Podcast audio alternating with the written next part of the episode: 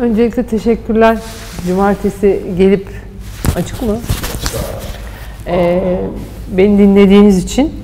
Ee, Fehmi'nin anlattığı metrekarelerden e, biraz önce bahs biraz sonra bahsedeceğim metrekare tabii çok daha küçük bir tanesine kuvveti yeniden inşa etmek. Bir tanesi 10 milyon metrekare falan. Bizim biz kreatif mimarlık olarak esasen çok fazla e, karşımıza daha tekil ya da daha bölgesel parseller üzerindeki mimarlık problemlerini çözmek için bugüne kadar işverenlerimiz geldi ve e, belki de bizim de e, çok algımız e, kent üzerine çok açık değildi. Okullardaki eğitimlerimiz de esasen çok değil. Daha hala hala bile okula gidiyorum. Hala bir parsel üzerinden e, mimarlık anlatmaya çalışıyoruz. Halbuki daha büyük bir ölçekten bakmak her zaman insana Hmm, daha e, ilginç şeyleri de gösteriyor. E, mimarlığın salt e, mühendislik ya da salt matematikle ya da salt sanatla iliş, ilintili olmadığını da fark ediyorsunuz. Daha büyük ölçekte baktığınız zaman işin içine tarih giriyor, antropoloji giriyor, sosyoloji giriyor. Birçok bileşen e, ni bir arada görme eğilimi ee, benim hep çok takık olduğum bir şey vardır. Şantiyeye gittiğiniz zaman mimarlara ilk e, şantiyedeki ustaların ölçme eğilimi şudur. Bir mimarı ya da bir mühendisi gördükleri zaman mimar hanım, mühendis bey, memleket nere diye başlarlar. Bu hemşerilik olma durumunu Türkiye esasen genelde doğduğu yer olarak algılar. Yani bir yerde doğduysanız, hatta doğmadıysanız, anneniz babanız bile doğdu, orada doğduysa siz kendinizi oranın hemşehri olarak görürsünüz. Halbuki e, biraz hani onun kelime anlamını açıp şehirlilik nedir, şehirli olmak nasıldır diye baktığınız zaman esasen doğduğunuz yerin hemşehrisi değilsiniz. E, yaşadığınız, kullandığınız, ürettiğiniz e, ve birlikte ortak bir takım hedefleri koyduklarınızla hemşerisiniz. Yani İstanbul'da olup mesela çok görürsünüz ben görüyorum tabelalara da çok meraklıyım bakmaya. İstanbul'daki Erzurumlular Derneği, İstanbul'daki Samsunlular Derneği falan. Böyle çok, çünkü hala hani İstanbul'da doğup İstanbul'da büyümüş olmasına rağmen aidiyetini hala İstanbul'a koymayıp atalarının ya da kendisinin belki hani bir köy var uzakta o köy bizim köyümüzdür diyeceği köyle ilgili kurdukları bir hemşerilik var. Biz burada e, tam bu sorularla başlarken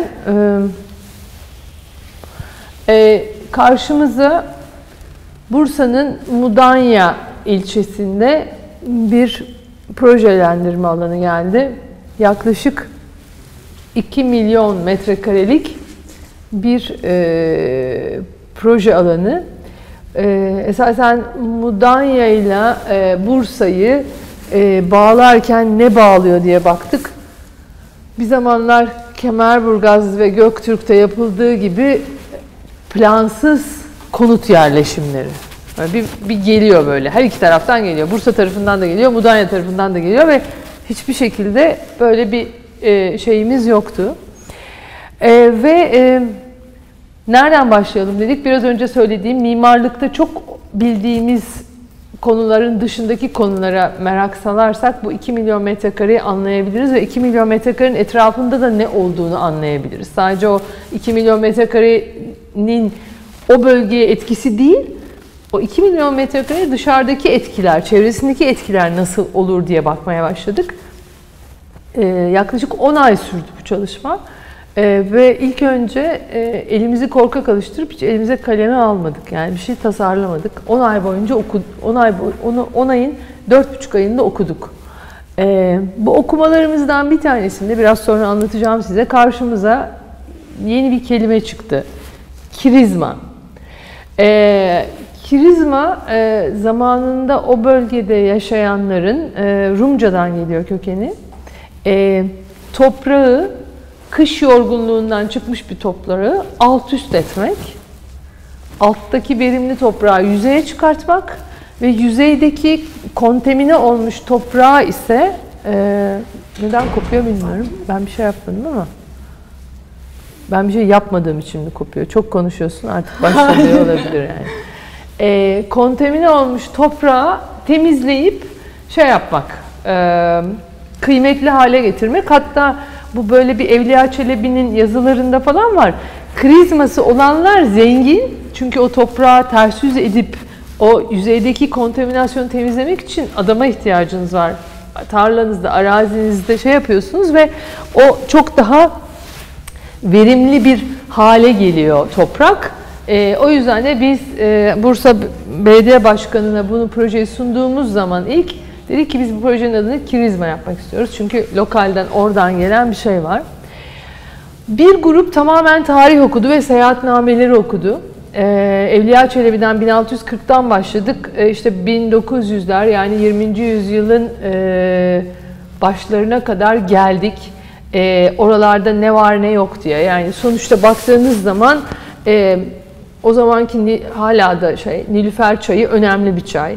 E, bütün e, neler ekiliyor, neler ediliyor, neler orada oluyor, bütün e, şeyleri çıkarttık. Çünkü bugün baktığınız zaman o bölgede çok az zeytinlik var ve çok az meyve ağacı var, elma ağacı var. Onun dışındaki çok fazla neler vardır yetişiyor, o, o bölge nasıl yaşamış, kimler o, oradaymış. Şunu fark ettik tarihi okuduğumuz zaman da Mudanya'dan başlayıp yani şuradan başlayıp şöyle şu sarı gördüğünüz çizgiyi Bursa'ya kadar gelen bir Mudanya ile Bursa arasında tarihi bir e, tren hattı var.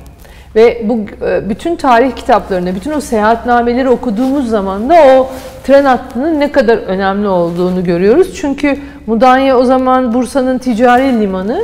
Bütün şeyler işte o bütün mavnalarla, eski ahşap gemilerle şeylerle oraya geliyor. Trene yükleniyor ve trenden de Bursa'ya geliyor.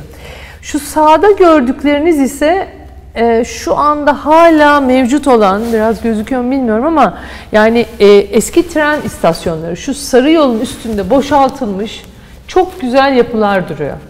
Belediye başkanı, yani şu gördüğünüz turuncu alansa, pardon geri gideyim, şu gördüğünüz turuncu alansa işte bizim proje alanımız. Ama biz etrafımızda ne var ne yok baktığımız zaman bizim arazimizin içini kestiğini gördük bu eski tren hattının. Ve onunla birlikte bu sefer işte şeyi geliştirdik. Yani bu tren hattı üzerinde neler yapılabilir? Nasıl bir sosyal fasiliteler yapabilir? Ve bu buradaki mevcut binalar gerçekten de gittik gördük. Kondisyonları da çok iyi. Yani herhangi bir şey yok. Evet bazısının içini şu anda hayvanlar kullanıyor bilmem ne diyor ama yapılar kondisyon olarak iyiler ve bugün dönüşebilir ve o hattın üzerinde bir spor aktivitesi, bu işte bildiğiniz mountain bike'lar ya da trekkingler, yürüyüşler ya da bir tarih rotası okumak, yani Mudanya'dan e, Bursa'ya diye bir şeyleri, bunların hepsini böyle bir kitapçık haline getirdik. Ve bu hala bizim arazimizde bize değen bir bilgi olarak, tarihsel bir bilgi, bilgi olarak kullandık bunu. Sonra e, Mudanya ve Bademli bölgesindeki sanayileşme sürecine baktığımızda tuğla üretiminin e, gerçekten e, bu bölge için çok önemli bir şey olduğunu ve e, özellikle 1923'teki o iktisat kongresi ile birlikte e, bu bölgede işte tekstille ilgili, tuğla ile ilgili bir sürü üretim ilk önce küçük e, üretim alanları kurulmuş ve onlar daha sonra büyümüşler. Hatta 1982'de dahi bir tane Şahin Tuğla Fabrikası diye bir fabrika 1982'ye kadar geliyor. Yani tuğla üretimi devam ediyor ve sonra birdenbire bu kesiliyor. Bu da bizim için ikinci bir şey oldu. Çünkü sol alttaki fotoğraflarda görebilirsiniz. Buralarda böyle bir hala eski o Mudanya'daki eski konut mimarisine ya da yapı stoğuna baktığımız zaman hala o eski ateş taş tuğlalarındaki olan binaların varlığını görüyoruz. Bu da bize geleceğe bir referans çıkarttığını düşündük. Buradan da bir çıkarsınma elde ettik. Sonra da kendi arazimiz içinde şu gördüğünüz işte şu 2 milyon metrekareye yakın alan bu. Bu alan e, nasıl bir alan? Mülk sahipleri var. Yaklaşık bir %10-15'inde belediyenin hakkı var. E, onları da zaten açılımıyla göstereceğim. Diğerlerinin hepsi bir toprak sahipleri var ve bu toprak sahipleri Türkiye'nin genel okuması öyledir ya belediye büyük şehire gitmişler ilk önce. Demişler ki biz burada kaç milyon metrekare inşaat yaparız. Belediyede demiş ki böyle bir soru yok. Böyle bir sorunun da cevabı yok. Siz ilk önce bir çalışma yapın. Onun üzerine de bize geldiklerinde biz buradaki toprak sahiplerinin kafasından şunu çıkartmaya çalıştık. Ya lütfen artık şu metrekareyle e, yaşam algılatmaktan vazgeçmemiz gerekiyor. Yani dikkat edin gazetelerin 3. sayfa haberlerinde bile artık e, ev ya da konut lafı geçmiyor. 1 artı 1 ünite, 2 artı 1 ünite, 3 artı 1 ünite. Halbuki yani bunların hepsinde insan yaşıyor. Yani insanın yaşadığı, yaşayacağı alanları bu kadar kategorize etmek ve bu kadar tek tipleştirmek, bu kadar metrekare üzerinden okumanın artık çok demode olduğunu, bunları 1980'lerde 90'larda esasen e, dünya tüketti ama biz bunu 2000'de tüketmeye başladık bu söylemleri. E, ve bunlarla geldiğimiz noktada da Türkiye genelinde İstanbul'da çok daha net görebilirsiniz. Başarılı olmadık. Başarısız sonuçlar elde ettik. Yani bunun katkısı, herkesin katkısı var. Yani biz kullanıcılardan satın alanlara, mimarlara, mühendislere ve siyasete herkesin bir katkısı var ki metrekare üzerinden yaşam alanı okumak. Ee, burada da e, bu işverenlerimize bunu anlattık. Dedik ki ya bu hemşerilik durumunu orada açıkladım. Hatta onlara ilk sunumda burada yaklaşık 40-50'lik tane kişilik bir toprak sahibi durumu var. Ee, ve o insanlara nasıl derdimizi anlatalım dediğinde birazcık onların anlayacağı lisandan konuşalım dedik. Ve bu hemşerilik hikayesini orada anlattık. Yani biz Kirizma'da yaşayacaklarla birlikte ortak bir hemşerilik hikayesi yaratabilir miyiz sorusunu onlara sorduk. Ve o soruları sorduğumuz zaman da çevresel etkenlerin bu kimi coğrafik, kimi tarihsel bu etkenlerin çok önemli olduğunu düşündük ve bu etkenleri ilk önce ortaya koymanın, masaya yatırmanın, oraya katacağı katma değerin oraya metrekare yüklemekten daha önemli olacağını düşündük ve o hikayeyle projeyi geliştirmeye başladık. Sonra bir takım Mudanya ve çevresindeki e, stratejik durumlara baktık. E, bununla ilgili işte e, Büyükşehir Belediyesi'nin bütün birimleriyle toplantılar yaptık, görüşmeler yaptık. Mudanya ilçe belediyesi ile konuştuk. Bütün e, kentsel olarak sorunlarını, sorunlarının cevaplarını bulmaya çalıştığımız bir düzende gittik. Ee, evet yani her yerde olduğu gibi sonuçta Mudanya'da da büyük şehirde de bir trafik sorunu var. Bir otopark yetersizliği var. Plansız yerleşme var. Yani bunu da söyleyen biliyorsunuz belediyeler. Yani belediyeler diyorlar ki plansız yerleşme var. Yani bu herhalde en trajik komik olan durum bu. Yani plansız yerleşme varsa belediye planlayamadığı için plansız yerleşme vardır. Ee, Sosyal ve kültürel alanlardaki eksiklikler, tabii ki İstanbul'un dışındaki diğer kentlere gittiğimiz zaman bu tip eksiklikleri daha fazla ve görüyorsunuz. Çünkü her şey çok az ve çok e, ulaşımı da çok zor olabiliyor. E, çevresel düzenlemelerde yetersizlik, bu yıllar önce e, şey söylemişti, Dücane Cündoğlu söylemişti. Bir gün demişti, kentlerde şeyi kazanan, belediye başkanlığı kazanan şöyle bir iddiada bulunacak. En fazla yeşil alanı kişi başına veren kazanacak diye. Gerçekten bütün Türkiye kentlerinin o duruma geldiğini düşünüyorum. Bence artık bundan sonraki söylem e, bence siyasetin ya da belediyeciliğin söylemi bu olmalı. Daha fazla metrekare konut değil, daha fazla insanlara e, ne, ne kadar fazla yeşil alan verileceği. O yetersizlik vardı. Çocuk parkları zaten çok yetersiz. Ben bunu bütün park ölçeklerinde görüyorum. Yani çocuklara özgü bir park planlaması yani ya da çocukları ana öğe olarak koyan bir park planlamamız yok.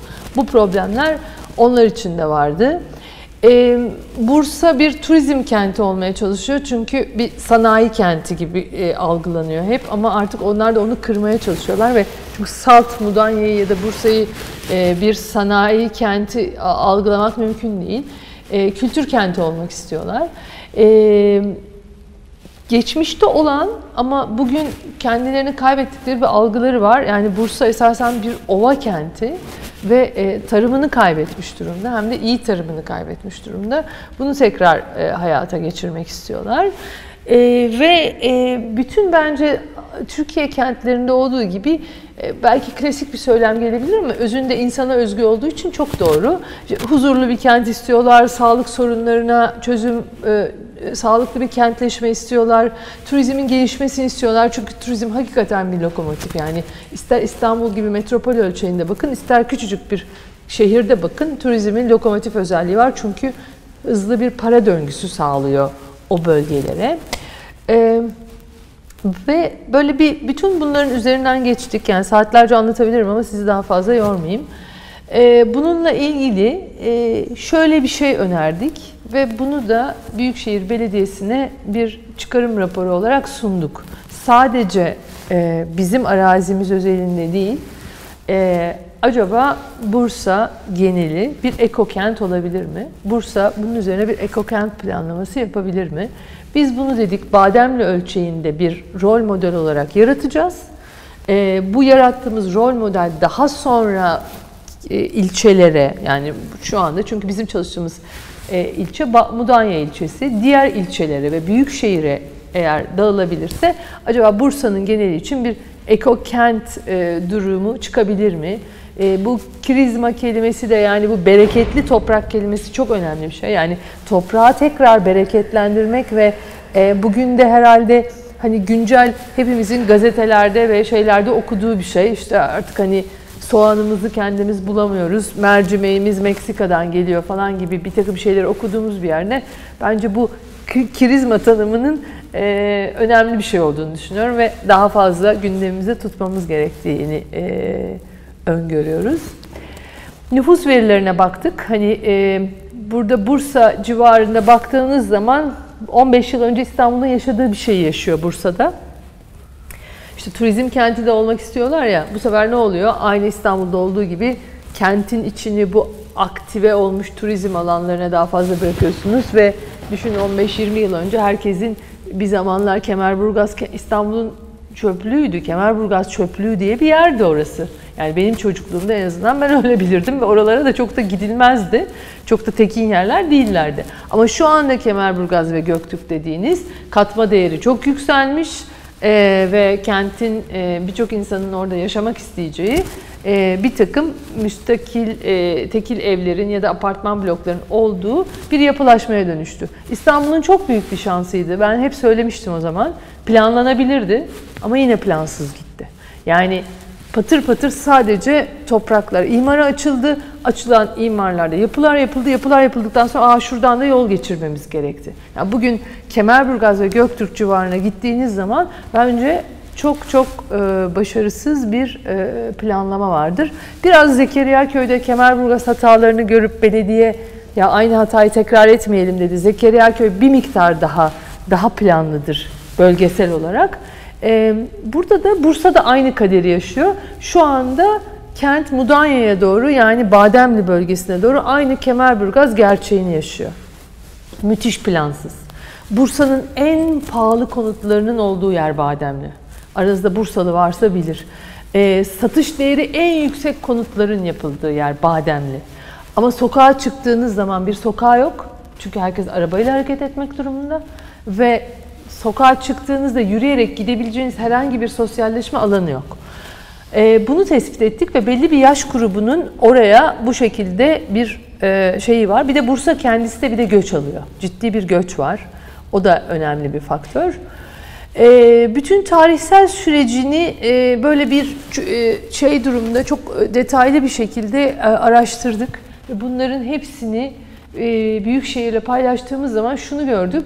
Esasen e, bu bence hani belediyelerin bir kalkınma şeyleri var. Yani yapmak istedikleri hani 5 yılda bir yerel seçimler oluyor ya zaten her geldiklerinde her belediye kendi bir program yapıyor.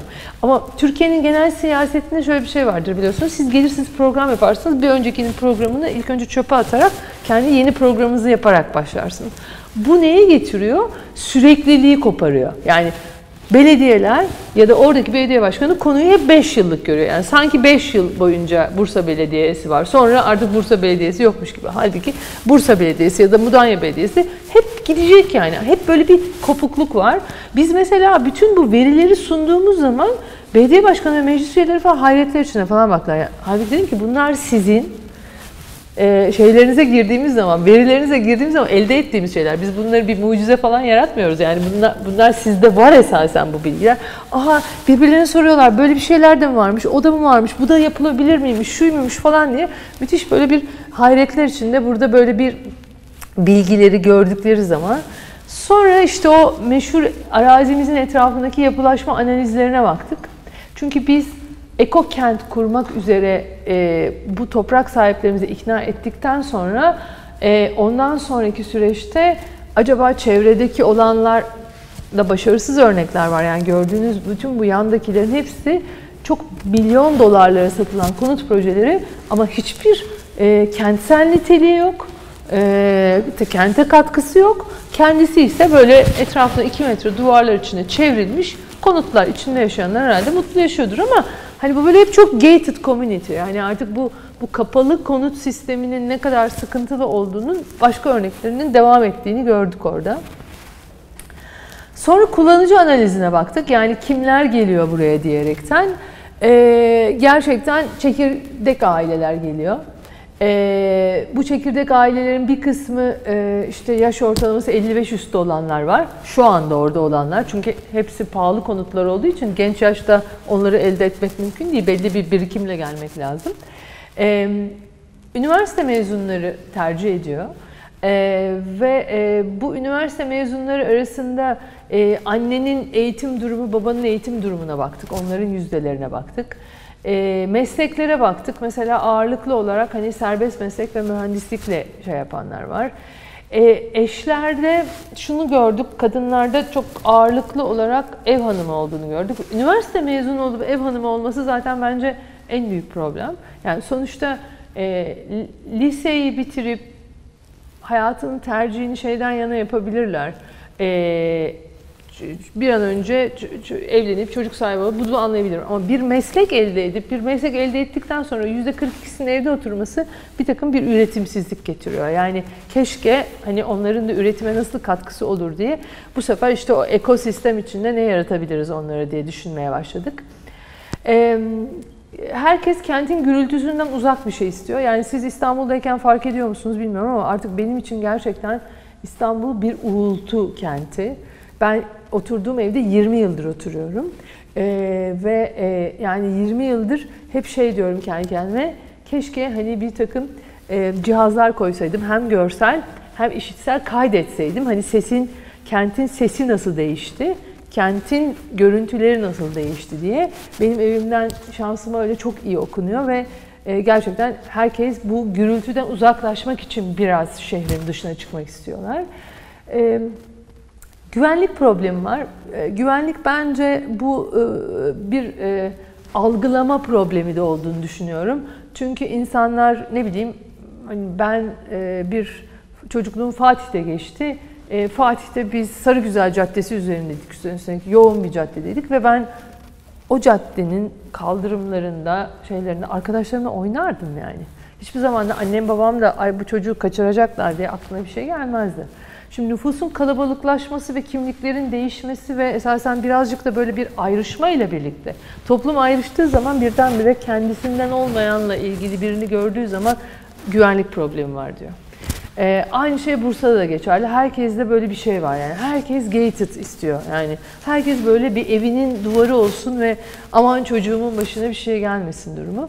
E, bu, bunu tabii yok saymak mümkün değil. Bunu dinlemek gerekiyordu ama bu problem nasıl çözülebilir? Bence Türkiye'nin bu konu üzerinde de bir e, şey yapması gerekiyor. Tabii ki ortak alanlar yok. Herkesin söylediği en önemli şey o. Yani hani siz bizi hemşeri etmek istiyorsunuz ama hemşeri olmanın en önemli şartı ise bir arada ortak bir takım paylaşım alanları. Yani bir yerlerde buluşmamız gerekiyor. Buluşmazsanız, karşılaşmazsanız ben hep onu söylüyorum. Günün sonunda çatışırsınız. Yani buluşmayanlar ve karşılaşmayan toplumların geleceği nokta günün birde çatışmaktır.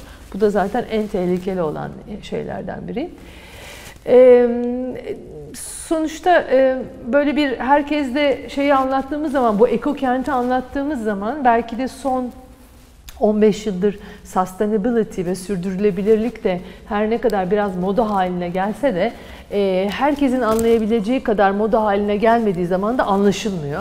E, ve herkes böyle bir toprakla uğraşmak istiyor. Yani yeni modern kent bireyi, bunlar böyle 25 yaşla 50 yaş arasındaki bu duruma baktığımız zaman bu grup artık hani evinin yakınında.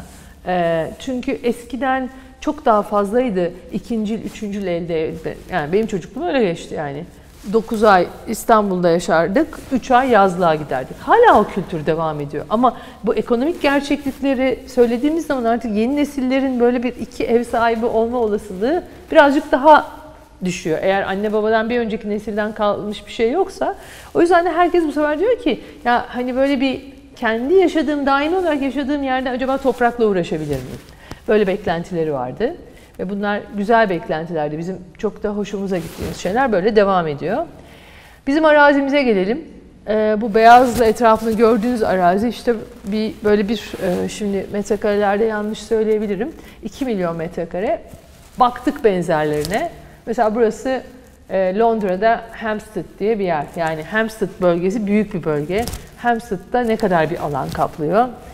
2 milyon, çünkü ölçüyü anlamaya çalışıyoruz. 2 milyon metrekare gerçekten ciddi büyük bir metrekare. Yani biz böyle bir arazinin şurasından girdik böyle düşünün. Ee, e, bir arkadaşımız şey dedi, acaba arazinin sonu neresi dedi. Yani 2 milyon metrekare de orada durunca insan ölçeğinin sonunu algılamak çok da kolay bir şey olmuyor. Yani böyle bir öyle bir durum var. O yüzden biz de kendimiz üzerinde anlarken plan üzerinde işte bazı kentlerdeki bazı bölgelerin büyüklüklerini aldık koyduk oraya.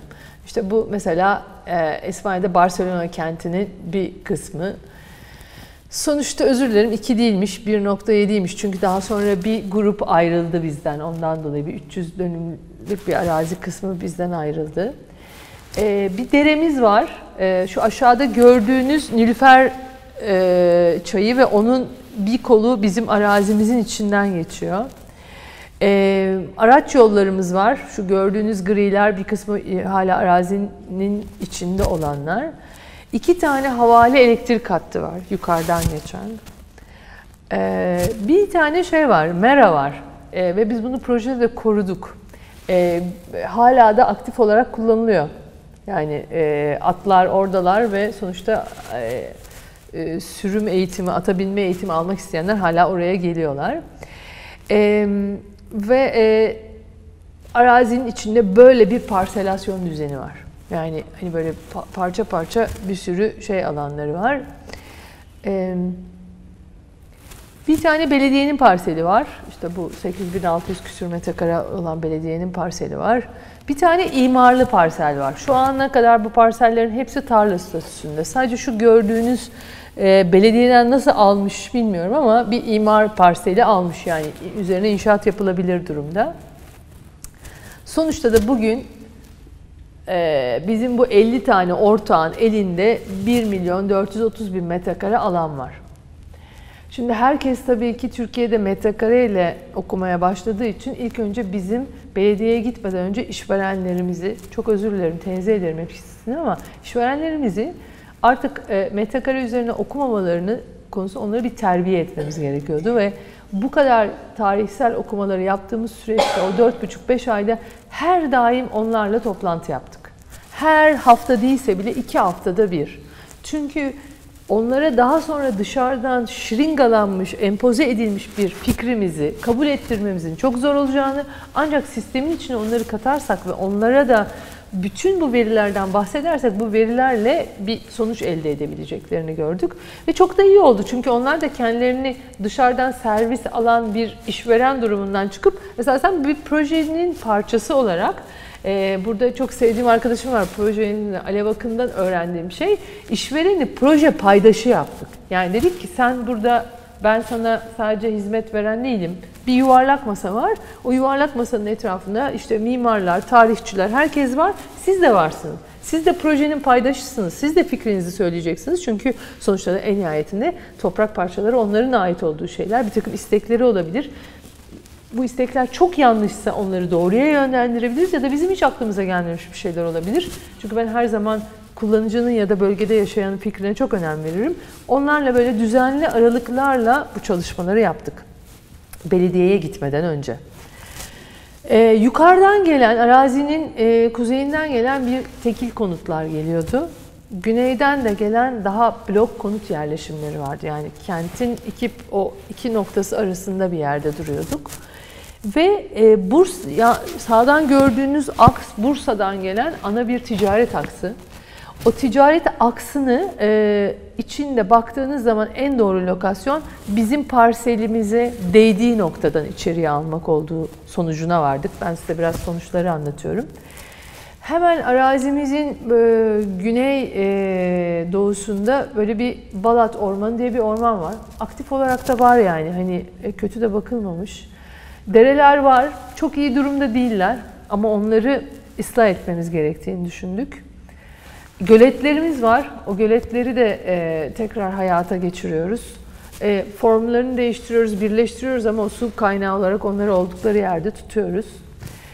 Ee, bir tarih o biraz önce ilk başta anlattığım tarihi tren hattımızda buradan geçiyor. Sonuçta bir ticaret aksı o. Yani hani e, önemli olan da onun orada varlığını e, bilebilmekti zaten. O yüzden de yukarıdan gelen, o Bursa'dan gelen ticaret aksını şimdi sadece donatı tarifliyorum size. Böyle bir arter yaptık. Bu arterin etrafını ise e, tamamen bu ticaret aksının etrafını ise tamamen bir e, ormanlık bir kamusal alanla çevirdik. Çünkü ondan sonra step by step diğer fonksiyonları şey yapacağız ve en alttaki Balat Ormanı'na da bir kol uzattık. Amacımız çünkü o Balat Ormanı'yla da birleşmek. Tekil konut yerleşmelerini yine parselin kuzeyinde tuttuk.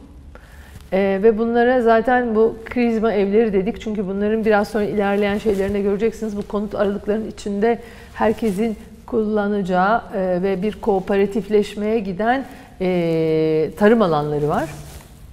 Çünkü amacımız burada bir üretim sağlanması.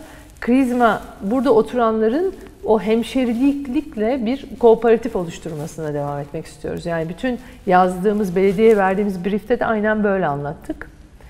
Bu tekil konutlar tek katlı, iki katlı olarak kendi aralarında böyle bir fonksiyonlar şeyleri ayrılıyorlar. Tipolojileri farklı. Sonra aşağıda daha blok konutlara, bu blok konutlarda böyle bir 3, 4, 5 katlı diye bir sınırlama ile getirdik. O yüzden onların da kendi arasında bir takım e, farklılıkları var. İşte 4 katlı olanlar var, 3 katlı olanlar var. E, kendi içimizde bir e, araç yolu oluşturduk. E, ve e, bu araç yollarının e, içinde bir takım bölgelemelerle yeşil alanlarımızı yerleştirdik. Çünkü biraz önce söylediğim o havale hattını maalesef e, Ankara'ya kadar Büyükşehir gitti, Ulaştırma Bakanlığı'na kadar çok büyük bir ihaleyle onun yer altına alınması gerekiyor. Çünkü sadece bizim parselimizde değil, o neredeyse Mudanya ile Bursa arasındaki bir hatta bütün hepsinin altı alınması gerekiyor. O yüzden de mesela o havale hattının altını tamamen yeşil alan olarak bıraktık. Konut getirmemeye çalıştık oralara. İmar izinli ticaret alanını bünyemize kattık ve mal sahibiyle de görüştük ve sisteme katılmayı kabul ettiler konut alanlarımızı oluşturduk. Sonuçta baktığınız zaman arazinin %48'inde konut yerleşimi yapıp e, geri kalanını ise sosyal donatılara ayırmış olundu. Şöyle anlattık, çok basit anlatmamız gerekiyordu toprak sahiplerine bunu. Sol tarafta gördüğünüz, düşünün işte 2, 4, 6, 8 tane e, parsel sahibi olsun. İşte bunların da toplam 1000 metrekareleri olsun. Dedik ki sizin 1000 metrekare araziniz var. Şimdi onlar şöyle algılıyorlar. 1000 metrekare arazimiz var, 1000 metrekare inşaatımız olmalı. Yani bir emsal istiyorlar biz mimarlar olarak anlayacağınız şeyler. Biz de onlara bunun e, ne e, büyük şehrin böyle bir şeyi kabul edeceğini, büyük şehir kabul etse de hani bu kadar süreç içinde bölgede yapılacak bir çalışmanın yanlış bir çalışma olduğunu anlattık. Maketler yaptık, şunlar yaptık, bunlar yaptık. En sonunda da şuna ikna ettik. Siz 1000 metrekare parseliniz varsa bunun 574 metrekaresi sizin parseliniz olacak. Yine geri kalanını sosyal donatıya, yola, yeşil alana, şuna buna terk edeceksiniz. Türkiye'de en anlaşılmayan şey o. Ama parsel sahiplerinden birisi doğru bir soru sordu. Dedi ki biz dedi bunu nasıl şey altına alacağız? Yani büyük şehire de. Çünkü biliyorsunuz büyük şehirler zaman zaman yeşil alanları şimdi bugün hepsini parklar, bahçeler yapmaya çalışıyorlar ama bir zamanlar büyük şehirler e, terk edilmiş yeşil alanları tekrar imara açıp sattılar. Şimdi herkesin de böyle bir korkusu var. O yüzden bayağı biz bu bölgeyle ilgili bir takım planlama notları da yazdık. Yani büyükşehir'e de sunduk. Biz ancak böyle bir dönüşümle bunu yapabiliriz. Ve e, toprak sahipleri de bunu kabul ettiler. Yani herkes 1000 metrekarelik arazisinden 574 metrekarenin kendisine ait olacağını, bunun içinden de oluşturacağımız imar koşullarını uyacaklarını taahhüt ettiler ve biz böyle bir şirket planı gibi bir şirket planı yazdık. Ve bunlar da kendi 50 tane ortak kendi aralarında bunun altına imza attılar. Ondan sonra çünkü bunları yapmadan büyük şehire gittiğiniz zaman Büyükşehir bunların hepsini bir hayal olarak görüyor. Haklı. Ben de olsam belediye başkanı gibi. Siz 50 ortak kendi aranızda konsensusa varmamışsınız. Bir kendiniz bir imzalaşmamışsınız. Bana niye geliyorsunuz? Benden ne bekliyorsunuz? Çünkü bir şeylerde konsensusta olmamız gerekiyordu. Ee, sonra buradan sonra e, hani kat yüksekliklerine göre bir takım farklılaşmalar ve bir takım blok tipleri oluşturduk. İşte biraz önce anlattığım gibi 3 katlı, 4 katlı, 5 e, katlı dediğimiz bir takım e, yüksekliklere göre ayrışmalar var. Bir takım ticaret yapıları koyduk. Bu ticaret yapılarının alanlarını da oluşturduk. Şu aşağıdaki ticaret aksını getirmemizin sebebi şuraya. Biliyorsunuz biraz önce anlattım burada imarlı bir parsel var. Bir de Bursa'dan buraya giren şu ana yolu bir e, belediyenin programında var yani buradan bir ana yol geçirmek. Onun üzerine koymak daha mantıklı geldi. Şu da bizim kendi krizmamızın kendi içeride yarattığımız ticaret aksımız ama sadece orada ticaret yok. Bir takım sosyal donatılarımız da var. İşte bir tane butik otel koyduk. Bir tane tohum müzesi koyduk. Eğer burada bir eko kent yapıyorsak dedik mutlak surette bir tohum müzesi olmalı. Ee, organik bir pazarımız var çünkü kendi yetiştirdiklerimizi burada önce burada sergilemek ve satmak istiyoruz. Sonra eğer bu bir kooperatifleşme ve daha büyük bir sisteme devam edecekse de zaten bu organik pazar da etmeyecek. Başka yerlerde satışı olacaktır diye düşündük. Bir araba müzesi e, şey yaptık çünkü Bursa'da ciddi anlamda sonuçta Bursa otomotiv sektörünün Türkiye'deki lokomotifi. Yani e, bir Bursa'dan başlamış durumda. Ondan sonra zaten Kocaeli ve İzmit civarına gelmiş durumda. Yani Marmara bölgesinin o kısmı zaten otomotiv sanayinde önemli. Acaba bunu temsilen bir araba müzemiz olabilir mi diye düşündük. Bir tiyatro koyduk. E, eğitim birimleri koyduk. Yani bunlar bir takım e, kurslar ve eğitimler ve sertifikasyon programlarının verileceği. Çünkü orada gerçekten bizi etkileyen şey %42 ev hanımı olup üniversite mezunu olan bir grubun olmuş olması. Onları tekrar üretime, tekrar e, bir şeyleri bir şeyleri dönüştürmemiz ve tekrar harekete geçirmemiz gerektiğini düşündük. İbadethane için bir lokasyon oluşturduk. Sağlık tesisi tabii ki bu kadar bir e, e, büyük yerleşimde gerekli olan bir şey. Bir tenis kulübümüz var, bir yüzme kulübümüz var, Atlı Spor Kulübü olmazsa olmaz çünkü Mera'nın etrafında e, o aktivitenin devam etmesini istiyoruz. Böyle de bir kamusal yapılar alanı e, devam ettirdik, dağıttık. Burada en çok veri olarak elde ettiğimiz şey buraya hemen hemen hepsini biz yeniden kattık. Sadece Atlı Spor Kulübü zaten Mera önümüzde durduğu için gerçekten e, hani aklımıza belki de gelmeyecek bir şeydi ama önümüzde bir veri olarak olduğundan dolayı kullandık. Bunun dışında konut bölgelerin arasında konfeti dediğimiz küçük büfeler, bakkallar ve kafeler yarattık. Bu e, ne yaparsanız yapın şehrin dışında yaşadığınız bir zonda e, kapınızdan çıktığınız zaman en temel ihtiyaçlarınızı çok çabuk ulaşacağınız bu tip e, büfe, bakkal ya da kafe yerlerinin önemli olduğunu düşünüyoruz. Hem de şu ortadaki merkeze e, gitmeden de bir takım temel şeylere ulaşabilmek için. Fonksiyon olarak dağılımımız böyle. Sonuçta konut, ticaret ve kamusal yapılarımız var. Ee, ve bu böyle bir e, şu iki tane zonda yani şuranın büyük yeşil alanı ve buranın büyük yeşil alanını bu aradaki arterle şu aşağıdaki Balat Ormanı'na bağlamaya çalışıyoruz. Ee, yeşil alanlardaki ana hedefimiz bu. Şuradaki kentten belediyenin getirdiği şu ana yolu böyle devam ettiriyoruz, onu değiştirmiyoruz ama kendi e, krizmamızın ana arteriyle de belli bir noktada kesişmesini sağlıyoruz. E, ağaç çeperlerine baktık yani nasıl bir sınırlarda kaldık diye.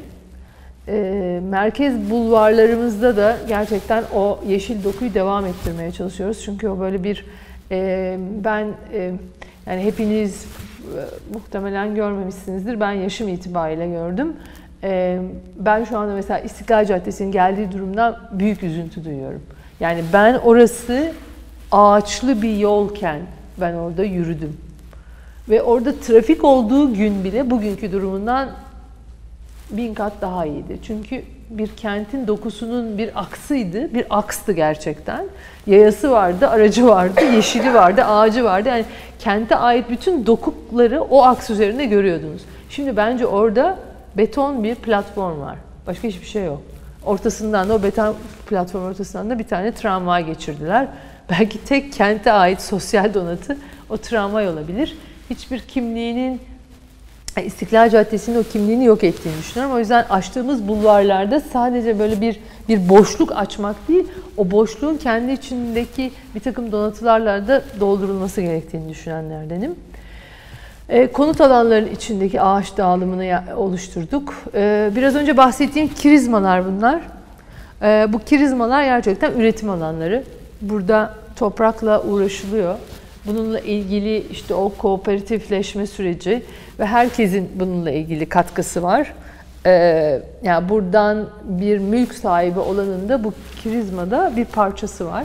Bunu bizzat kendi üretiminde çalışabilir, hayır çalışmayabilir, kooperatife dışarıdan parasal destek verebilir. Ama bu üretimin devamlılığı esas. E, göletlerimiz var. Bunlarla ilgili e, bizimle birlikte çalışan, bu projede çalışan peyzaj tasarımı ve e, su ürünleri teknolojisindeki mühendis arkadaşlarımız bize bu göletlerin nasıl ıslah edileceği ile ilgili öneriler sundular. Bu önerileri de Büyükşehir'le paylaştık. E, bütün bu e, krizmaların ve e, göletlerin etrafında olacak bir bisiklet yolunu oluşturduk. E, taşıt yolu ağını oluşturduktan sonra bu e, yer altındaki otoparklar dışında açık otopark alanlarında düzenlemeye çalıştık. Çünkü artık hani bu bütün bu hani kaldırıma İstanbul'da herhalde çok fark ediyorsunuzdur. Ben evimin lokasyonu gereği çok fark ediyorum. Ben kaldırımda yürüyemiyorum. Çünkü evimin çok yakınlarında akaretler yokuşu var. O akaretler yokuşundaki bütün kafelerin valeleri ve o kafelere gelen arkadaşlar da otoparka para vermek istemedikleri için benim mahallemin sokağının kaldırımlarına çıkıyorlar ve biz kaldırımda değil sokakta yürüyoruz. Yani arabaların yürüdüğü yerde yürüyoruz. Böyle bir şey var. O yüzden birazcık daha onu nasıl bir düzenleriz diye baktık. Bütün yaya yollarımızı teker teker oluşturduk. Ve bu sirkülasyonda işte araç, yaya, bisiklet e, nasıl birbirlerini en az kesişimde hareket ederler diye baktık. Bunların dışında işte meydanlarımız, biraz önce söylediğim hani e, karşılaşmıyorsak, buluşmuyorsak çatışırız durumu şeklinde. Böyle bir çünkü bizde meydan deyince meydan diye anlaşılıyor ve çok büyük meydan algılıyoruz. Yani hani biz böyle bir o zaman da o kadar büyük meydanlarda birbirini tanımayan insanlar da çok da hemşeri olamıyorlar yani. O hemşeri olma durumundan bahsediyorsak biraz ölçeğinin de ona göre olması gerekiyor. Ee, nasıl hani bütün bu meydanlarda nasıl birbiriyle buluşabiliriz, tanışabiliriz ve bunda nasıl minimum çatışabiliriz? Engelsiz ulaşıma baktık. Amacımız şuydu, bir engelli evinden çıktıktan sonra ortadaki o bizim aksımıza ulaşıncaya kadar en fazla bir araç yoluyla karşılaşsın. Hedefimiz oydu. Onun dışında hani sıfıra indirmeye çalıştık. Bu planlamada bu şey, yoğunlukta başaramadık ama bire indirebildik. Ee, vaziyet planımız sonuçta bütün bu size anlattığım şeylerin hepsi bir süreç yönetimi. Bence bizim bu projede kreatif mimarlık olarak bizim en çok kendimize çıkarsadığımız şey şuydu. Süreç.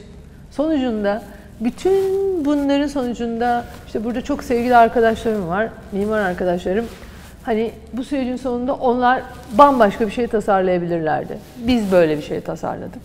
Ama süreç bilgisi o kadar kadim ve o kadar önemli bir bilgi ki bu bilgi ancak geleceğe bu projeyi taşıyabiliyor. Öteki türlü hiç bunları yapmayıp bunların içinden birisi, hepimiz mimarız burada, hepimiz oturalım, bize bu alanı versinler. Hepimiz bambaşka şeyler tasarlayabiliriz. Hepsi de birbirinden güzel olabilir. Güzel olması konusunda ya da şey olma. Ama kendi bağlamıyla o bölgeyle ilgili bir bağlantısı var mıdır? Oranın geçmiş bilgisiyle ya da güncel bilgisiyle ne kadar iletişim içindedir? O hep soru işareti olabilir. O yüzden hani biz kendi adımıza kreatif olarak buradaki ilk araştırmadaki o 5 aylık sürecin çok bizim için kıymetli olduğunu düşünüyoruz. Sonraki 5 ayda her ofis başka bir sonuç çıkarabilirdi.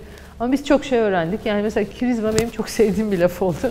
Ee, bunu öğrenmiş oldum ve toprağın e, toprağı değerlendirmenin ne kadar anlamlı bir şey olduğunu e, gördük. O çok kıymetliydi. Biraz buraları hızlı geçeceğim. Yani sonuçta bunları birçoğunu gördünüz. Ee, evet, sonuçta bu buradan sonra da sadece mimar olarak tek başımıza çalışmadık. Dediğim gibi tarihçilerle çalıştık. Onlar bize hangi okumaları yapmamız gerektiğini söylediler. Ee, burada ise e, birçok disiplinle çalıştık, farklı disiplinle.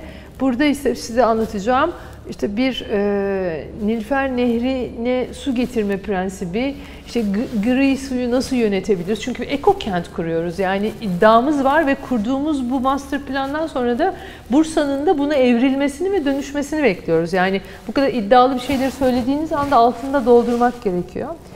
Ee, o yüzden hani e, bütün bu proje alanı içindeki dere, Nilüfer çayı ve oradaki bir takım arıtma tesislerine gittik gördük e, mühendislerle birlikte. Birçoğunun tam randımanla çalışmadığını anladık.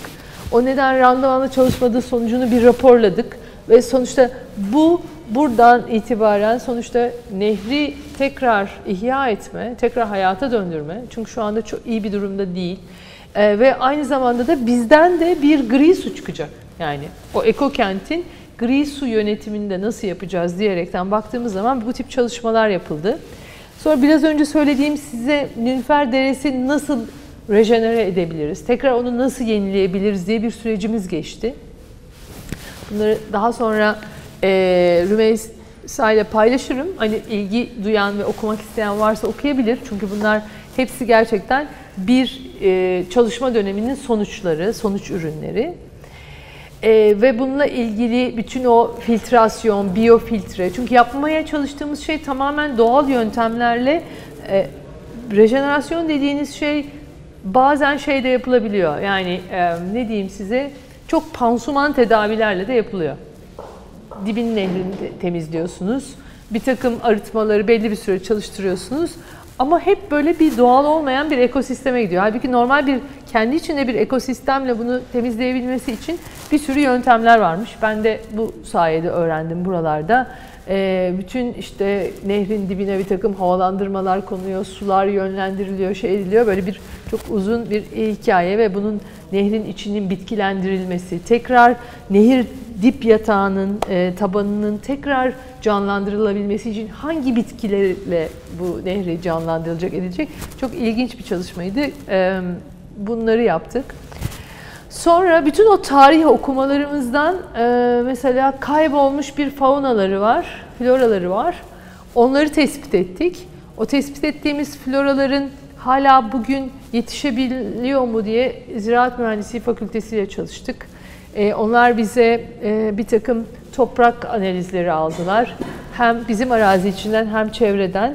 Mesela sen baktığınız zaman yine de bu bölge çok da kontamine olmuş durumda değil, çok da kötü durumda değil.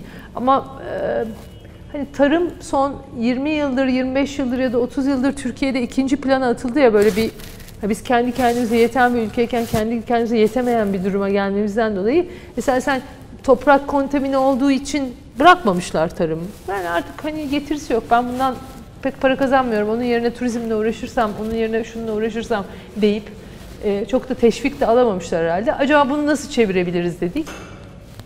Ciddi bir esasen şey var. E, yani e, yakın coğrafyasında Manyas Gölü falan da olduğu için bir kuşların bir yolu var yani Mudanya üzerinden de geçen bir yol var. Oradaki kuş cinslerini tespit ettik. Su altına baktık, nehirdeki balıklara bakıldı. Bunların hepsi böyle bir araştırma, detaylı bir kitapçık olarak. Yani şu anda elimizde bu çalışmaların bittiği 12 tane bir klasörümüz var. E, fakat arada yerel seçimler girdi ve e, şu anda Bursa'nın belediye başkanı değişti. E, şimdi yeni belediye başkanı geldi ve o 12 klasörle ona gidiyor olmamız lazım. Ama benim için daha önemli olan bir şey 50 tane e, toprak sahibine böyle bir çalışmaya ikna etmiş olmamız. Onları bir çatı altında buluşturulmuş ve bir ideal üzerine buluşturmuş olmamız. Çünkü eğer hemşerilikse bence hem böyle bir hemşehri olunabilir. Yani burada bir eko kentin içinde hem yaşayacaksınız hem sosyal e, bir takım ihtiyaçlarınızı karşılayacaksınız, yeşil alanınız olacak, toprağı üreteceksiniz e, ve bunda da e, bütün bu üretimleri yaparken de aynı zamanda doğaya zarar vermeyeceksiniz. Hani bütün bu hikayeyi kendi bütün bütünseliği içinde eğer e, başarabilirlerse ve başarabilirsek e, bence iyi, iyi bir çalışma olacağını düşünüyorum. E, bunlar böyle e, çok e, kütlesel ve şey gittik. Yani özellikle de mimariye kaçıp belediye başkanının da dikkatini aa bunun cephesi şuymuş, aa bunun çatısını şunu yapalım'a çekmek istemedik. Daha büyük ölçekten global bakmalarını sağladık. Çünkü günün sonunda buradaki yapıların hepsini biz tasarlamayacağız. Biz master planı koyuyoruz. Burada sonuçta başka meslektaşlarım gelecekler. Burada onlar da projeler yapacaklar. Biz sadece oranın ana e, şehircilik anlamında nasıl çalışacağına e, bir e, yol haritası vermiş durumdayız. E, öyle bildiğince kaçındık. Ha, ne yaptık mesela? Cepheye tuğla koyduk. Neden? Bir bilgi aldık. Yani bu bölgenin bir tuğla gerçeği var. Tekrar tuğla üretimi devreye girsin diye. İşte bu arada hep binaların arasında bu kirizmalarımız. Gölet, işte bu zaten var olan bir gölet sadece ıslah ediyoruz. Ee, biraz önce bahsettiğimiz o ana kendi krizmamızın ana ticaret aksı.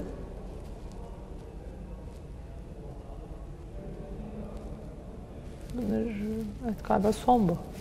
Geçmediğine göre evet bitirdim. Bu kadar.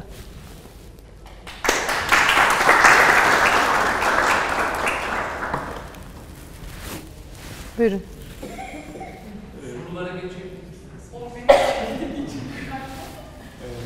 Teşekkürler öncelikle sunum için. Ben şey sormak istiyorum. Evet, evet burası tanımlı sınırlı düşünmüş İstiyorsanız bir vaziyet planına döneyim. Daha bence oradan konuşmak daha mantıklı. Evet. Şu anda e, bu güzel bir e, süreç e, çalışıyor. İşte mümkünse yapılır hani e, diye var düşünebiliriz. Sonrasında e, belediyenin evet bu bölge okey ama çeperi ve hakkında düşüncesi ve yaklaşımı nasıl yani bu şehrin uzantısının böyle olması bunun geleceğinde de mesela bu e, örüntünün devam edeceği, bu yaklaşımın e, şehrin genel yaklaşımına dönüşeceğine yönelik nasıl bir? Yani sonuçta ben bugüne kadar bunu yapmayacağım diyen siyasetçi görmedim. Her zaman gittiğiniz zaman aa bu tabii çıksın biz de bunu devam ettireceğiz derler. Yani bu ama e, dediğim gibi eğer konuyu sadece 5 yıllık bir yönetim gibi görmeyip daha uzun süreli yani bilgi çünkü devredildikçe gelişiyor. Yani siz belediye başkanı olun 5 yıl, 5 yıl sonra yanınızdaki hanımefendiye devredin bilginizi. O da alsın o bilgiyi geliştirerek bir sonrakine devretsin. Çünkü bilgi ancak o kadar öyle gelişiyor ve büyüyor. Bugün örnek aldığımız kentlerdeki e, ya da memnun olduğumuz yaşantılardaki kentlerdeki durum tam da böyle. Yani hani biri geldi elinde sihirli çubukla o kenti baştan sona var etmiyor. E, ben zaten böyle kentlerin de sürekli planlamalarının değişmesinin de çok sıkıntılı olduğunu görüyorum. Çünkü bir gün geliyor birisi diyor ki bence böyle bir kent olsun İstanbul. Sonra başkası geliyor şöyle bir kent olsun İstanbul. Böyle bir şey yok ki. Burada kentte yaşayanlara sorulması gereken çok soru var.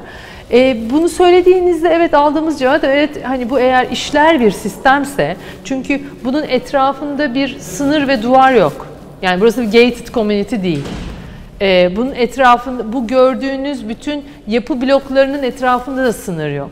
O yüzden de biraz önce yeşil haritalanmasında da konutların içine giren yeşil alanları öyle tarif ettik. Yani eğer bir borderline oluşturulacaksa bu border yeşil olsun, bir duvar olmasın dedik.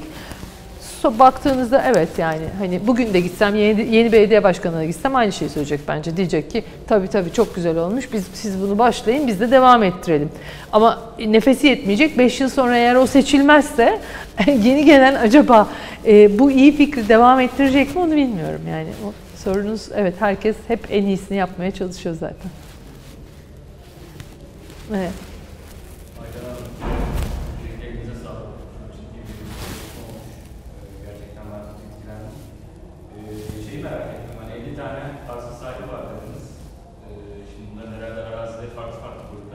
Tabii yani bir, bir tanesininki e, 50 dönüm, bir tanesininki 400 dönüm. Yani öyle de değişebiliyor. Bunlara bir takım yapılaşma hakları veriyorsunuz. Sonra bu yapılaşma haklarına göre bir e, plan dahilinde e, bu yapılaşmayı dağıtıyorsunuz bu arazi çevresinde.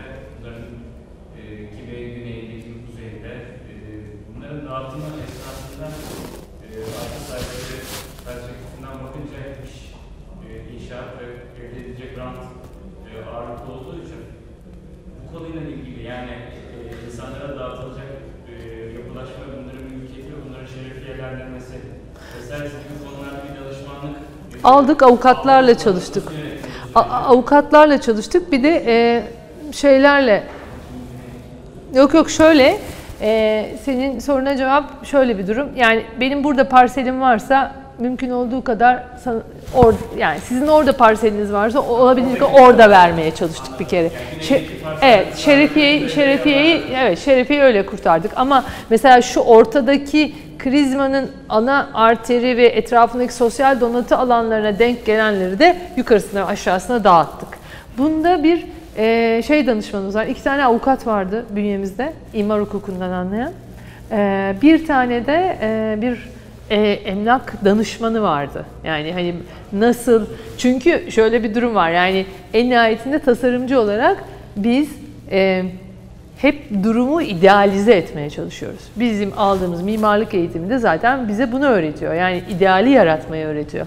Ama hayat da hiç o kadar ideal ve mükemmel değil. Hayat aksak bir şey. Yani hayatın o aksaklıklarını görmediğiniz zaman ya da kabul etmediğiniz zaman bu sefer de dirençle karşılaşıyorsunuz. O sebeple imar hukukçuları ve o emlak danışmanı bize e, nasıl doğru ikna edebiliriz, nasıl insanları mutlu edebilirizin formüllerini de önce öğrettiler ve onlarla birlikte şey yaptık. Ama e, çok e, her şey çok sulhle mi geçti? Şimdi size burada özet veriyorum. Çok da o kadar sulhle de geçmedi. Adam geliyor diyor ki bir dakika ya diyor yani hani benim e, şu ana arter üzerinde şeyim vardı. E, bazılarına da çünkü ticaret verdik ticaret birimi üzerine geldik. Ama diyor ki konuttakine diyor mesela 100 metrekare verdin diyor. E bana ticarette diyor bana diyor 40 metrekare verdin diyor. Niye bana 100 vermiyorsun diyor. O zaman da işte emlak danışmanı devreye giriyor. Konuttaki kira geliriyle ticaretteki kira geliri arasında bir tablo oluşturdu. Yani sen orada 40 alıyorsun ama e, 100 metrekare alan konutla Mesela sen aynı kira gelirine ulaşmış oluyorsun. Eğer 100 alırsan ötekinden daha fazla bir geliri elde etmiş olacaksın ya da katma değeri daha fazla bir ürün elde etmiş olacaksın. Bunlar tabii böyle çok uzun, kimisinde her seferinde de biz tasarımcılar olarak da olamıyoruz. Yani başka o alt kırılımlardaki toplantılar da yapıldı. Nereye gider bilemiyorum. Göreceğiz hep beraber. Fehmi Bey. Ben de e, önce çok teşekkür ediyorum çünkü şundan e, biz genellikle mimarlar olarak şöyle bir zaman dilimindeyiz. Yani bir şeyin bize dayadığı bir parselasyon var zaten. E, parseller yapılmış. Parsellerin çekme payları ve imar hukuku da belli.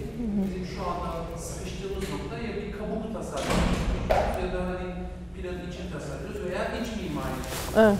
Dolayısıyla Mustafa Bey veya bu projede daha üst ölçekte bir mimari bakış açısıyla şehre bakmanın bir çıkış yolu olduğunuzu göstermek açısından çok değerli bir konu. Bir de şöyle bir şey, tabii bu bizde olan bir şey. Ben e, e, hani Türkiye'de sonuçta burada doğdum, burada büyüdüm, burada da mesleği yapıyorum. Sonuçta böyle bir 5-6 yıldır e, böyle bir bir Almanya'da bir de İngiltere'de iki kentte böyle proje tasarlıyoruz ve sıfırdan tasarlıyoruz. E, oraya gittiğim zaman ilk e, belediye sorduğum zaman adamlar çok, çok tuhaf karşılıyorlar. Ben imar durumu nedir diye soruyorum. Adamlar diyorlar ki ne demek imar durumu?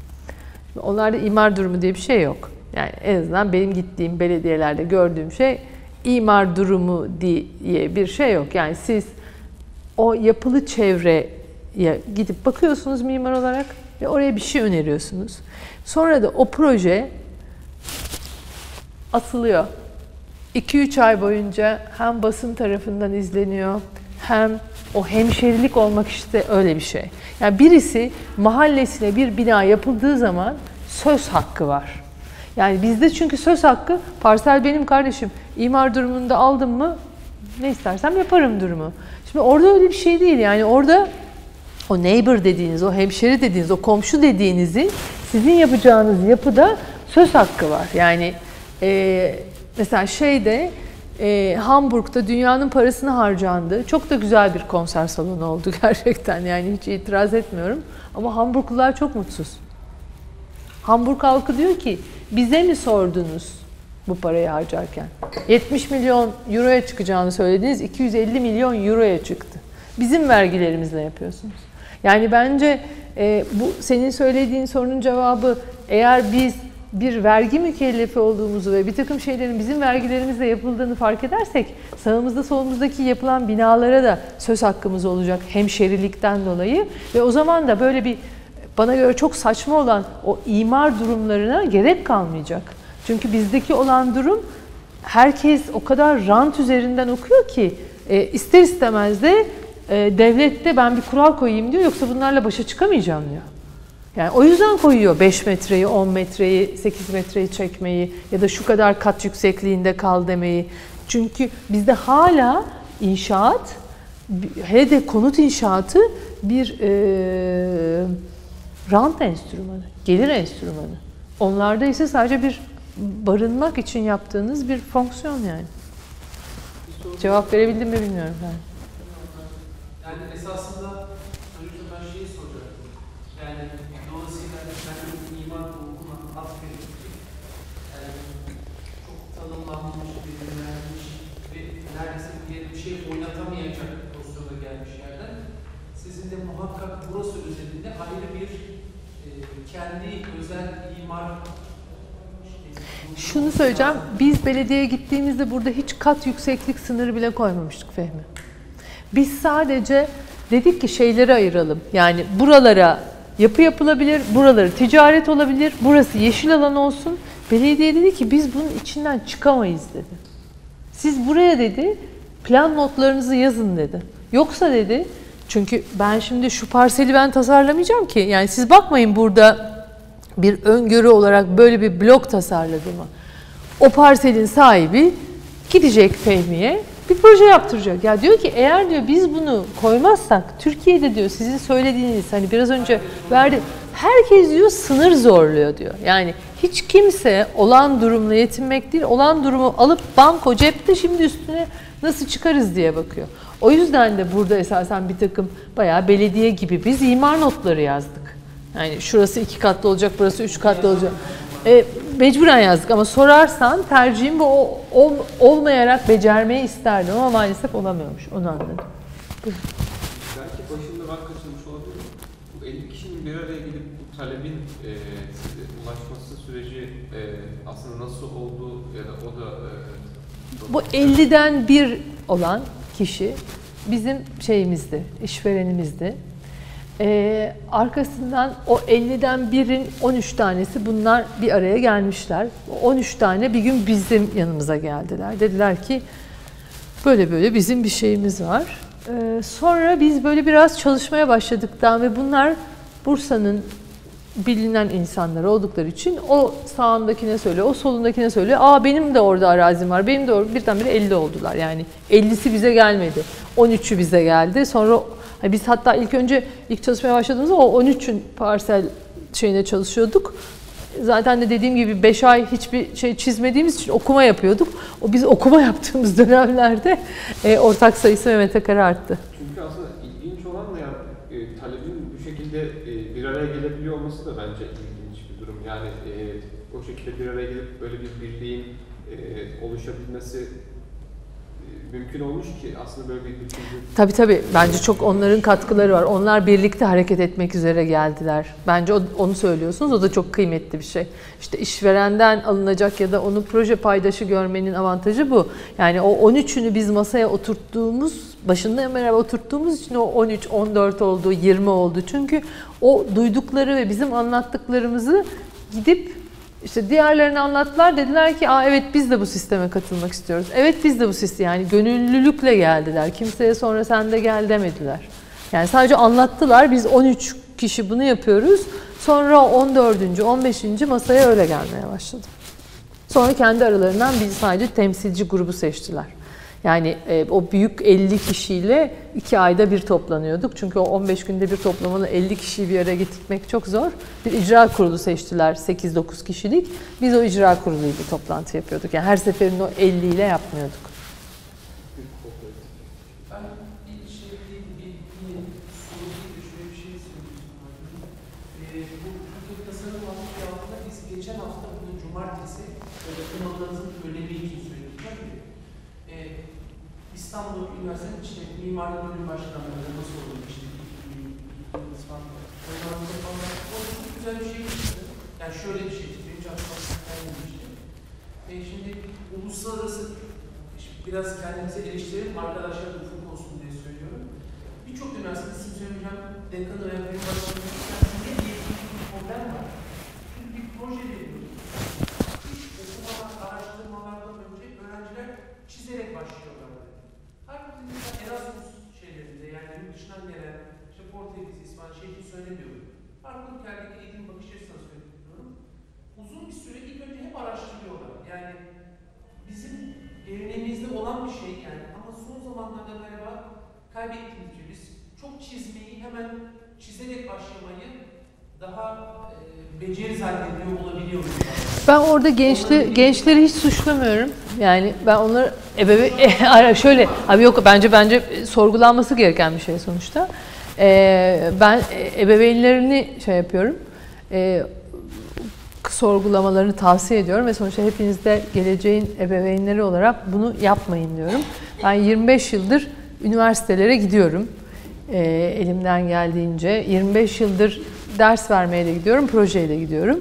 Bizim ofisimize staja gelen arkadaşlarımız var. İşte bizim bir de uzun dönemli bir staj programımız olduğu için daha fazla birlikte zaman geçirme şansımız da oluyor. Ee, sonra ben bir takım psikolog ve pedagog arkadaşlarımla görüştüm. Bu nedir diye ve anlamaya çalışıyorum. Çünkü sabır aralığı çok daralmış bir yeni nesil var. Yani konsantrasyon ve sabır aralığı çok daralmış. Hemen şimdi. Her şey hemen ve şimdi olması gerekiyor. Bunun probleminin bir helikopter ebeveynlik diye bir şey söylediler. Ben ilk defa duydum. Helikopter ebeveyn şuymuş. Çocuğunuzun okulda problemi var. Ee, Süpermen tadında okula gidiyorsunuz anne ve baba olarak. Hemen çocuğunuzu problemli alandan çıkarıyorsunuz. Yani çocuğunuzun tek başına problem çözmesine izin vermiyorsunuz. En temel problemin, yani bunun uzun hikayesini anlatırım çünkü ben hani gençlerle ve üniversiteyle çalışmayı çok sevdiğim için bunu öğrenmem gerektiğini düşündüm. Bu da benim için bir araştırma konusuydu çünkü. Ee, öyle olunca problem çözmek e, şey oluyor. E, haklı olarak yeni nesle bunu öğretmemiş oluyoruz. Çünkü e, üniversiteye gelinceye kadar yani dekanların sorgulaması gereken şey üniversite zamanı değil. Üniversiteden gelmeden önceki eğitim hayatları boyunca sürekli problemden uzak tutulmuş, işte gated community'lerde oturmuş, sokağa çıkarılmamış. Yani sokağın dinamikli, ya hayatın gerçekleriyle karşılaşıyor. Çünkü hayat her zaman öyle çok pes pembe ve güzel bir şey değil yani. Onun içinde acılar da var, sıkıntılar da var, riskler de var. Ya bunların hepsini tek başına almadığınız zaman galiba problem çözemiyor, çözülemiyormuş. Yani e, sorunun yani dekanların bulması gereken sorunun cevabı üniversitede değil, üniversite öncesinde. Bence o problemi aşabilirsek e, çünkü yeni neslin, en azından ben kendi dönemimle kıyaslıyorum sizleri. Çok şanslı olduğunuz bir şey var. Şu elinizdeki harika cep telefonuyla e, dünyanın her yerine ulaşabiliyorsunuz. Bunun içinde kirli bilgi de var, doğru bilgi de var. O başka bir şey. Onu siz kendi aklınızla ve yetkinliğinizle ayıklarsınız. Onu bilmem ama e, yani bizim zamanımızda Yıldız'ın fakültesindeki kütüphane kadardı mimarlık entelektüel bilgimiz. Orada hangi kitap varsa o kadardı. Hadi birazcık hani şanslıydım. İTÜ'de arkadaşlarım vardı, Mimar Sinan'da arkadaşlarım vardı. Bir de onların kütüphanesine giderdim. Yani hani bütün mimarlık adına olan entelektüel bilgi o üç tane kütüphane arasında dolanıp dururdu. Ee, hani bir herhangi bir şekilde bugünkü kadar o bilgi açıklığı yoktu.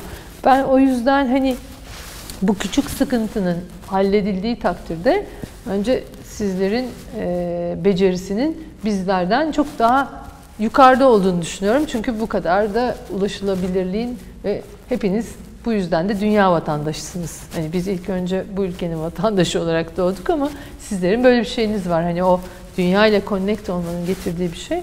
Sıkıntı bence Fehmi o. Yani dekanlar bence orada bakmalılar. Çünkü o konsantrasyon ve e, süresi ve bir de hani problem çözmeme ya da çözememe durumu oradan geliyor. Yoksa bence o halledilirse bir, o da çok kolay halledilecek. Yani eğitim metodolojisinde hemen çözülebilecek bir şey olduğunu düşünüyorum.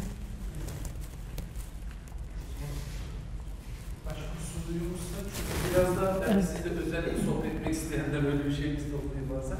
Bakın. Teşekkür ediyoruz. Ben teşekkür ederim.